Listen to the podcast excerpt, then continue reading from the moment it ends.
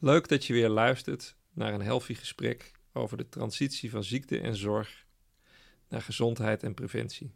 Ook vandaag heb ik weer een interessante gast en begin ik met de vraag: wie ben je en wat doe je? Ja, leuk, leuke vraag. Ehm, ik ben Merel de Waard. Ik ben energetische traumatherapeut in eh, Utrecht en soms ook op andere plekken. Ehm, ja, en daarbij ga ik eigenlijk met mensen mee de diepte in. Maakt niet uit hoe diep. Mensen kunnen van heel ver komen. Ehm, en ik denk ook, uh, omdat dat vanuit mijn eigen achtergrond, ik ben ook aardig diep geweest. He, zoals wel meer mensen die dit werk doen. Um, maar dan weet ik de weg ook een beetje, zeg maar. dus ik heb ook in de kelder gezeten, ik heb ook op de bodem van de zee gezeten. Dus soms zitten we daar een tijdje samen en dan is dat oké. Dus dat is onderdeel van wat ik doe. Je geeft aan, je hebt ook in de diepte gezeten. Er zit dus ook een verhaal achter. Het lijkt op een missie. Kan je daar meer over vertellen? Ja, uh, ja een missie. Ja, ik ben altijd een beetje voorzichtig met dat woord. Ik vind het leuk dat je dat, dat, je dat noemt. Um, heel veel mensen die dit werk doen, en dan bedoel ik uh, complementair therapeut, hè, want dat ben ik. Energetische therapie is een complementaire therapie. Um, en heel veel mensen die dat doen, die zijn ergens geweest waar het moeilijk was. Um, en die halen daar dan een missie uit. Um, en ik heb dat een tijdje ook dat gevoel gehad. En eigenlijk ergens ook nog wel, maar ik ben er ook heel voorzichtig mee. Want een van de dingen uh, die uh, ook een beetje scheef kunnen gaan, is het gevoel een missie te hebben. Ja. Want dan ben je wel heel bijzonder. Kan je, kan je dat uh, toelichten, ja. visualiseren? Ja, ja, ja. Ik, uh, ik werk veel met mensen met psychosegevoeligheid. Ja. Dat zit bij mij in de familie. Ik ben ja. zelf ook psychosegevoelig. Um, zonder diagnose. En ik heb ooit een weekje daar echt merkbaar last van gehad. Maar het, het, het, raakt heel erg aan uh, hooggevoelig. Dus, dus er zijn bepaalde eigenschappen die je dan hebt. Je, bent als het ware neurodivergent, dus je hebt een beetje een ander brein dan andere mensen. Uh, ook vanuit energetisch oogpunt is er nog wel wat over te vertellen. Maar ja. een van de dingen die sommige mensen met uh, hem, uh, een psychose kunnen hebben, is het idee dat je heel bijzonder bent. Hè, dat noem je dan een grootheidswaan. en tegelijkertijd is het ook een ervaring. Hè, in mijn werk is het zo dat psychose en spirituele ervaringen, die kunnen heel dicht bij elkaar liggen. Ja. En misschien is het wel hetzelfde met een andere naam in sommige gevallen. Uh, en dan kan je zeggen van nou is grootheidswaan. Maar je kan ook zeggen ik heb een spirituele ervaring gehad waarbij ik voel dat ik heel bijzonder ben. Ja. Dat ik uniek ben. Ja. Um, en dat kan zich vertalen in een, een beetje een, een, moeilijk afstemmen met de wereld om je heen. Ja, ja. dus, dus daar ligt dan vaak mijn taak om ook met mensen mee te lopen. Om te kijken van oké, okay, hoe kan je weer integreren ja. dat je wel bijzonder bent. Maar niet de enige bijzondere. en niet het bijzonderste. Maar dat je daar wel ja. weer een, uh, ja, een, een, dagelijks leven aan kan knopen. Dus het woord missie ben ik altijd heel voorzichtig mee.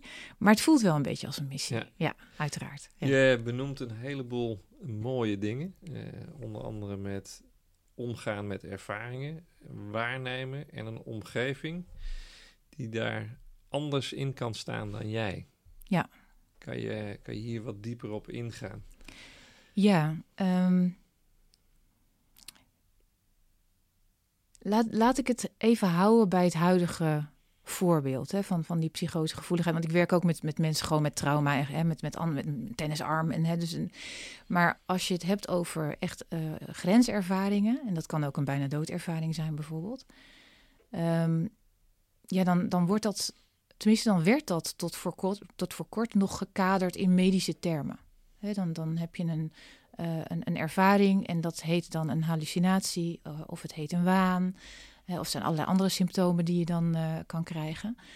Um, maar er is een groeiende groep mensen die dat helemaal niet zo voelt. Hè, die daar een andere betekenis aan toekennen. Ja. En dan kom je al gauw op het vlak van zingeving. Um, dat is tegenwoordig steeds minder raar.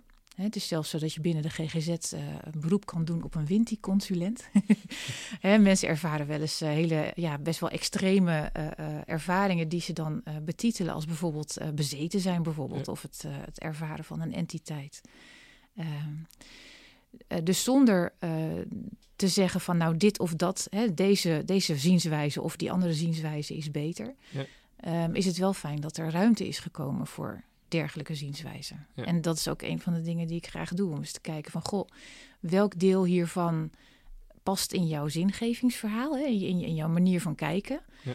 Ehm, en welk deel hebben we eh, dan toch wel echt gewoon een dokter bij nodig, omdat je wel moet kunnen slapen. En hè, het is wel belangrijk dat je je dagelijks leven kan doen. En, Ja. hè, dus dus eh, het, is, het is ook een beetje zoeken naar een evenwicht eh, tussen, tussen die complementaire zienswijze, die spirituele zienswijze en eh, de medische zienswijze. Ja. In mijn ogen heb je allebei nodig. Dus dus geen verhaal van of, maar en. Ja. Dus de wetenschappelijke manier van kijken en de manier die jij ervaart. Ja, nou ja, en dat, is- dat is wel leuk dat je die tegenover elkaar zet. Ehm, ik ben van huis uit antropoloog. En dat is niet zo heel gek. Heel veel antropologen vinden energetische therapie heel interessant. Eh, want een van de dingen waar je in je studie mee te maken krijgt, dat is natuurlijk de traditionele eh, eh, ja, shamanen, hè, de, de, de toverdokters in de dorpen en eh, verschillende praktijken die daar eh, heel gewoon zijn. Dus daar word je natuurlijk automatisch nieuwsgierig naar.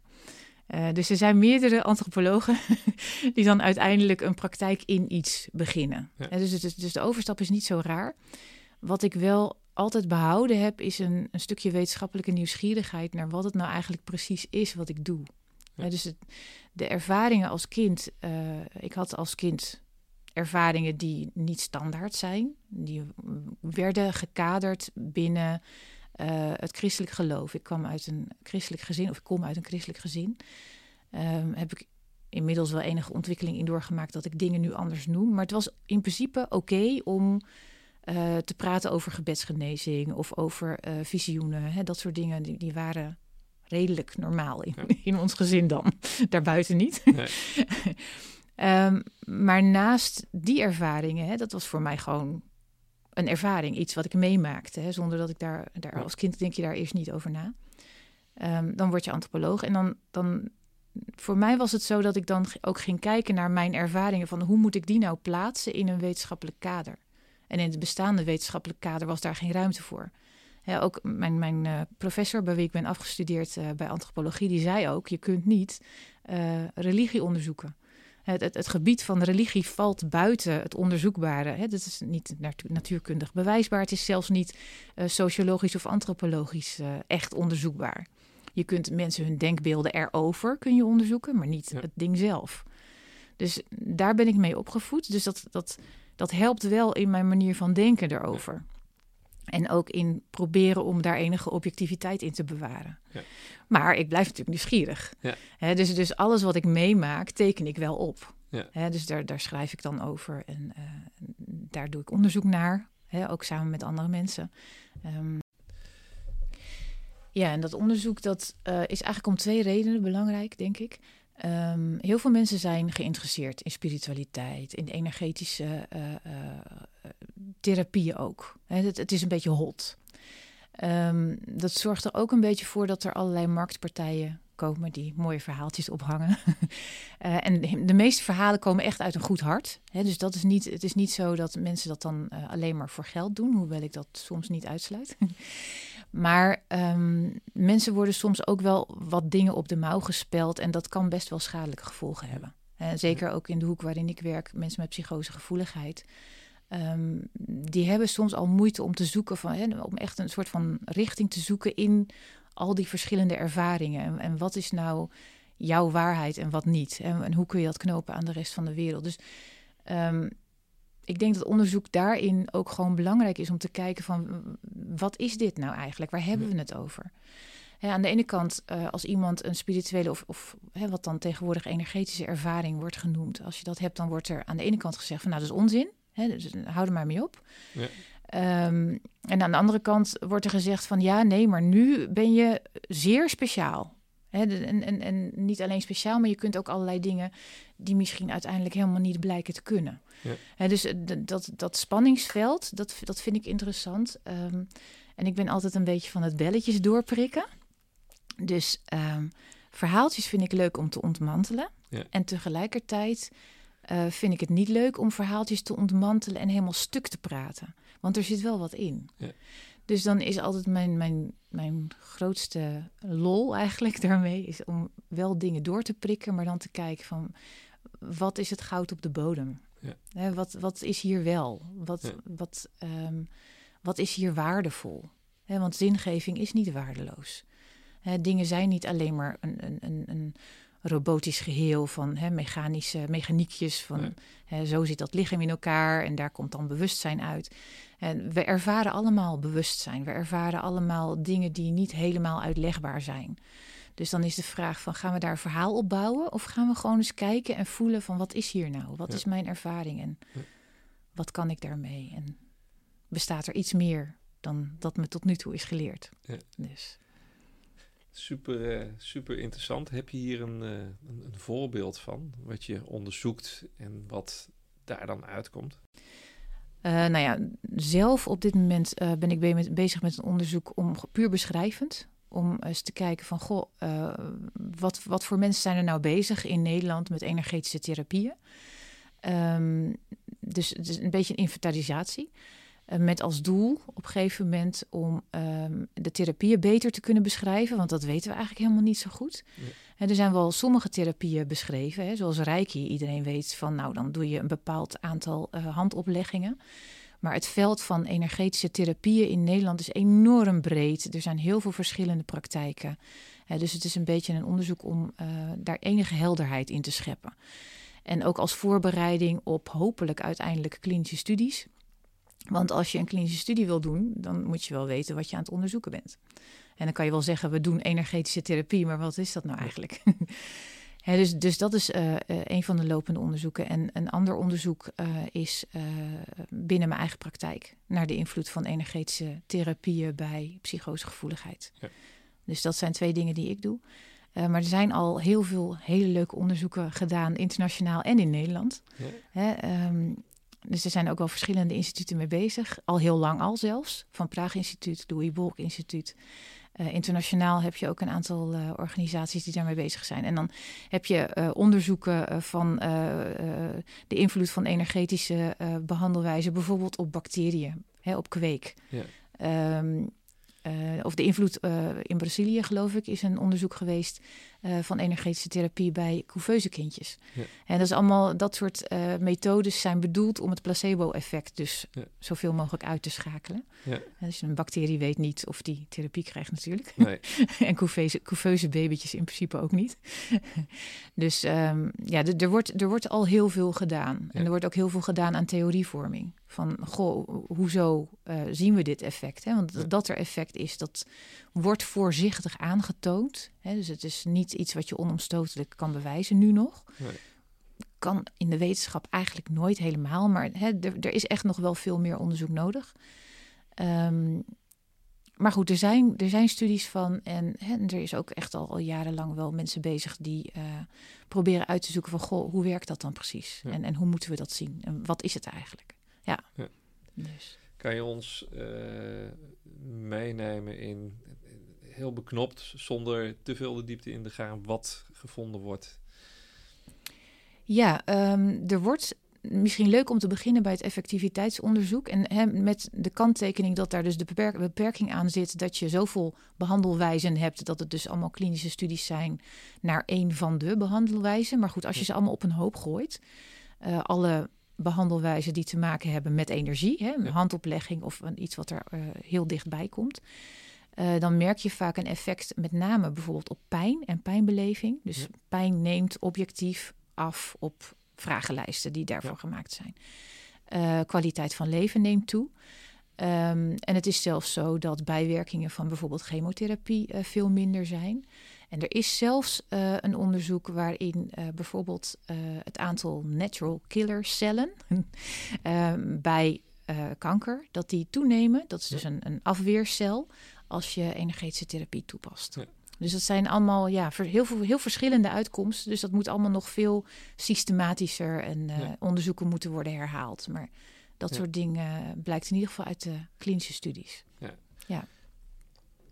Er is dus iets wat we nog niet weten. Ja. je gaf net al aan, uh, je bent begonnen. Je vindt het zelf moeilijk om het een missie te noemen omdat je dat een beladen woord vindt. ja. Maar je bent begonnen omdat de omgeving uh, er nog weinig oog voor heeft. Wat zou er kunnen en moeten veranderen in jouw uh, mening? Uh, ja, ik, ik denk toch, dat zit op die samenwerking. Ehm, ik weet dat het complementaire veld echt staat te trappelen om samen te werken.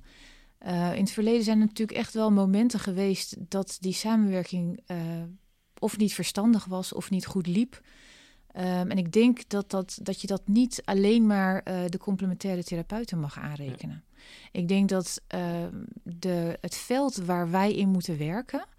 Um, aan de ene kant is er voor onze therapieën eigenlijk geen geld om daar goed onderzoek naar te doen. Maar ook uh, de bedding voor de therapeuten is heel, heel lastig. He, de samenwerking uh, komt steeds niet op gang, omdat er een soort van, ja, er is toch wel een beetje een muur van onwil bij uh, bepaalde mensen, bij best wel veel bepaalde mensen.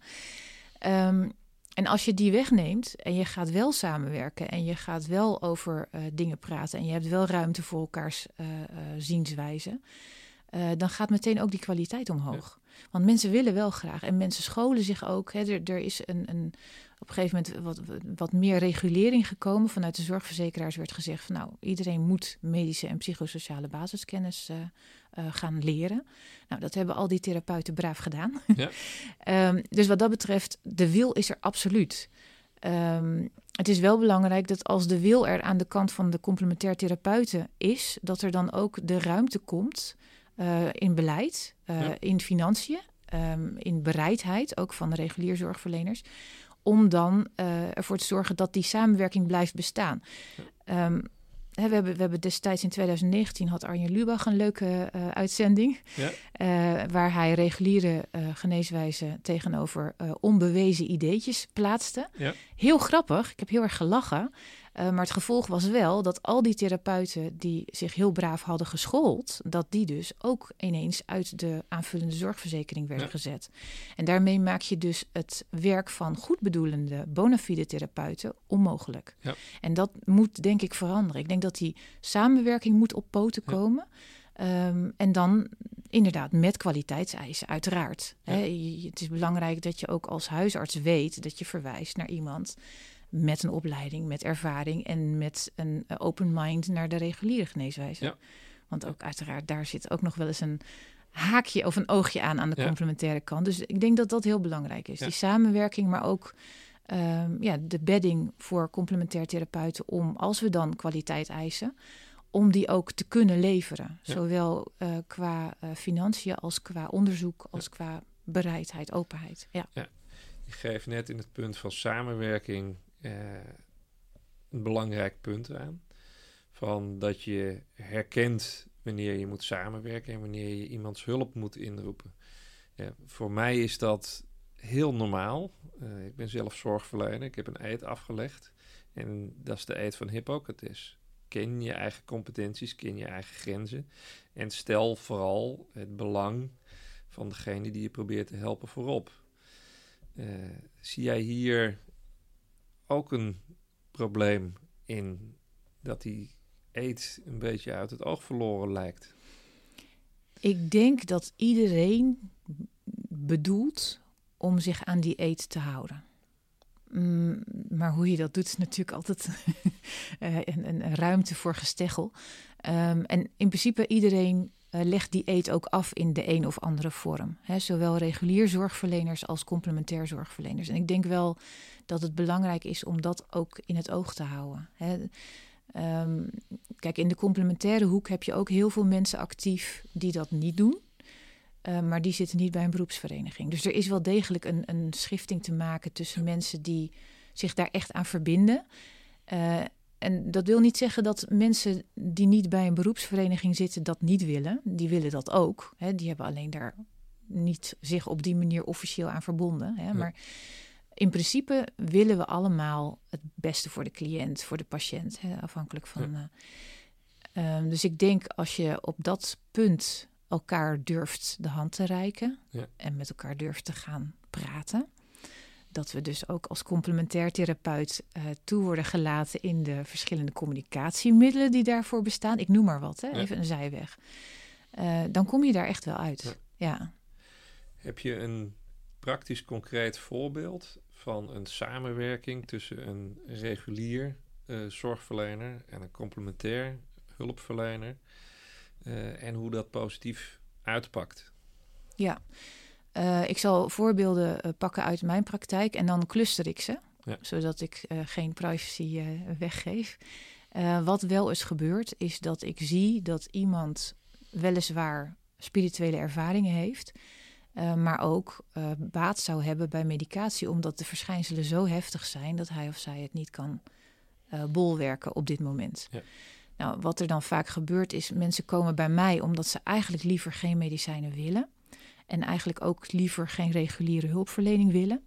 En dan ga ik net zo lang zoeken totdat we een vorm vinden waarin dat in evenwicht is. dus dat, dat uh, medicijnen niet helemaal uh, heilig worden verklaard, maar ook niet worden verfoeid. Ook niet uh, des duivels zijn.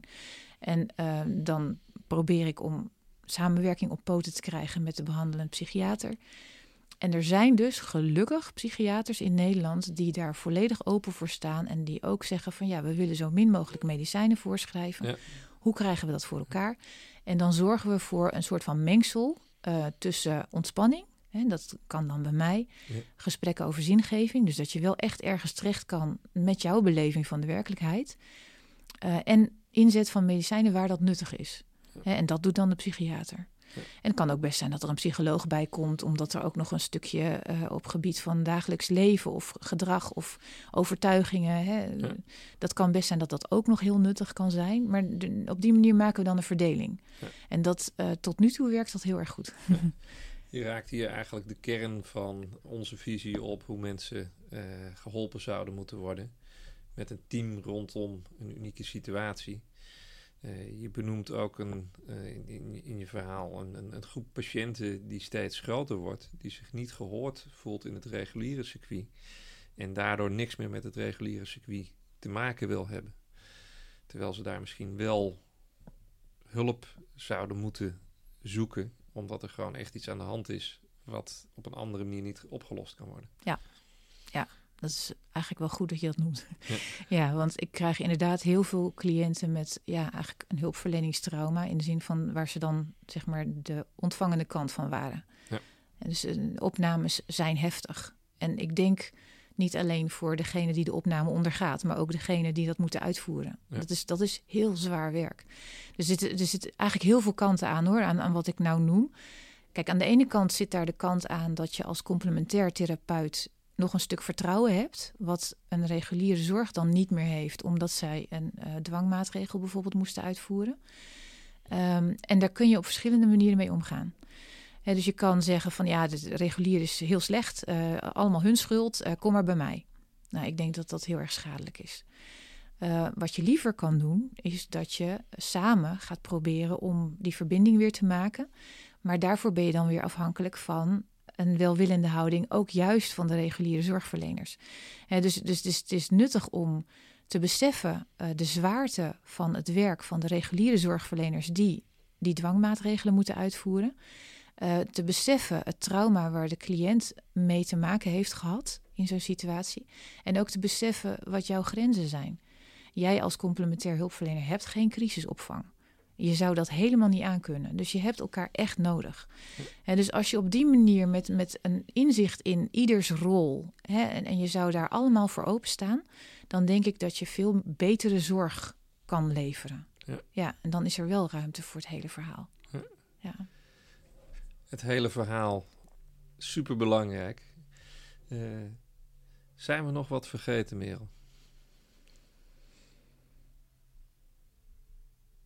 Ja, ik denk dat het. Ik, oh. Ja, ik denk dat het nuttig is om eens te kijken. Uh, wat kan een complementair therapeut, hè, een energetisch therapeut dan, hè, want dat ben ik, uh, wat kan die nou bijdragen? Hè, ik ben redelijk allround in de zin van dat ik dan ook meteen de hele samenwerking oppak. Maar stel je voor, die samenwerking is helemaal in orde. en we hebben het even alleen over de behandelvorm. Um, dan zeg ik altijd, er zijn eigenlijk twee dingen die ik doe. De ene is zorgen voor ontspanning. Als iemand uh, bijvoorbeeld EMDR krijgt bij een regulier uh, uh, psycholoog of medicatie of wat voor therapie, cognitieve gedragstherapie, im imaginaire exposure, maakt niet uit. Um, dat maakt vaak enorm veel los. En sommige mensen hebben het geluk dat ze een hele fijne thuissituatie hebben. Maar heel veel mensen die wonen alleen, die hebben geen plek, niet iemand om op terug te vallen, soms niet eens een plek om op terug te vallen. Ehm, als je dan een complementair therapeut inzet met een energetische behandelvorm, dan kan iemand tot rust komen, een uurtje per week. dus, dus je zorgt dan eigenlijk voor de bedding van de reguliere therapie. Dus dat is één punt, één ding. En een andere is dat uh, heel veel van de energetische therapeuten zijn ook traumatherapeut. Ja. en of ze dan ook, ik ben dan ook EMDR-therapeut, maar ik gebruik ook andere methodes. Um, en daarin kunnen zij vaak ondersteunen in de situaties waarin dat kan. Het kan niet bij iedereen. Uh, bij iedereen hè. Dus er zijn ook uh, mensen die wel echt in reguliere uh, zorg moeten voor die traumabehandeling, omdat het bijvoorbeeld te erg is. maar heel veel complementair therapeuten kunnen wel degelijk sommige cliënten helpen. En dus als je dat goed afstemt en je doet dat onder supervisie van de regiebehandelaar, dan kan je dus ook energetisch traumatherapeuten, uh, complementair psychotherapeuten, kun je ook inzetten bij de traumabehandeling. Ja. Dus dat zijn denk ik twee dingen waar heel veel winst te behalen valt, zeker ja. nu de wachtlijsten zo lang zijn. Ja. En we hebben het nu vooral over behandelen gehad hoe zouden we deze ervaringen, deze inzichten en de, deze behandelaars ook kunnen inzetten op een manier dat mensen zelf hun problemen voorkomen of de baas worden? Ja, nou ja, goed. Complementaire therapieën zijn heel goed in preventie. Hè? Ja. het is, uh, stress is natuurlijk de verergerende factor in bijna alle ziektes. Dus op het moment dat je terecht kan bij een therapeut, iemand bij jou op de hoek die ervoor kan zorgen dat jij zo, zo min mogelijk stress ervaart. En als je stress ervaart, dat je leert ook hoe je daarmee moet omgaan. Dat je ergens een plek hebt waar je kan ontspannen. Ja. Dan zorg je volgens mij voor een enorme slag aan de voorkant. Ja. ja. ja. Dus dat is een mogelijkheid die we eigenlijk nog niet zien. Zonde. Ja. ja. ja. Zijn er zaken waarvan je zegt, daar zou ik mensen toe willen uitnodigen? Je hebt net samenwerking genoemd. Maar welke hand zou je nou willen uitsteken naar de luisteraars van dit gesprek? Nou, stel je voor, je vindt het uh, heel, uh, een heel goed idee om onderzoek te doen naar energetische behandelwijze. Dan uh, nodig ik je uit om eens een kijkje te nemen op de website van Stichting Expertisecentrum Energetische Geneeskunde. dat is www.eceg.nl info. uh, en uh, wij proberen uh, geld bij elkaar te krijgen voor onderzoek. Juist om die achterstand in het complementaire veld en die achterstand bij energetische behandelwijze nog een stukje groter. Ja. om die op te heffen en om objectief, onafhankelijk onderzoek te doen ja. naar wat er nou eigenlijk is. Ja, nou, een hele mooie oproep. op de website staat ook een mooie quote. Als je energie negeert, negeer je 99% van wat er is. Uh, en ja, in mijn uh, mening is het een stuk wat we niet mogen negeren. Daar ben ik helemaal met je eens. Dankjewel voor het gesprek. Dankjewel.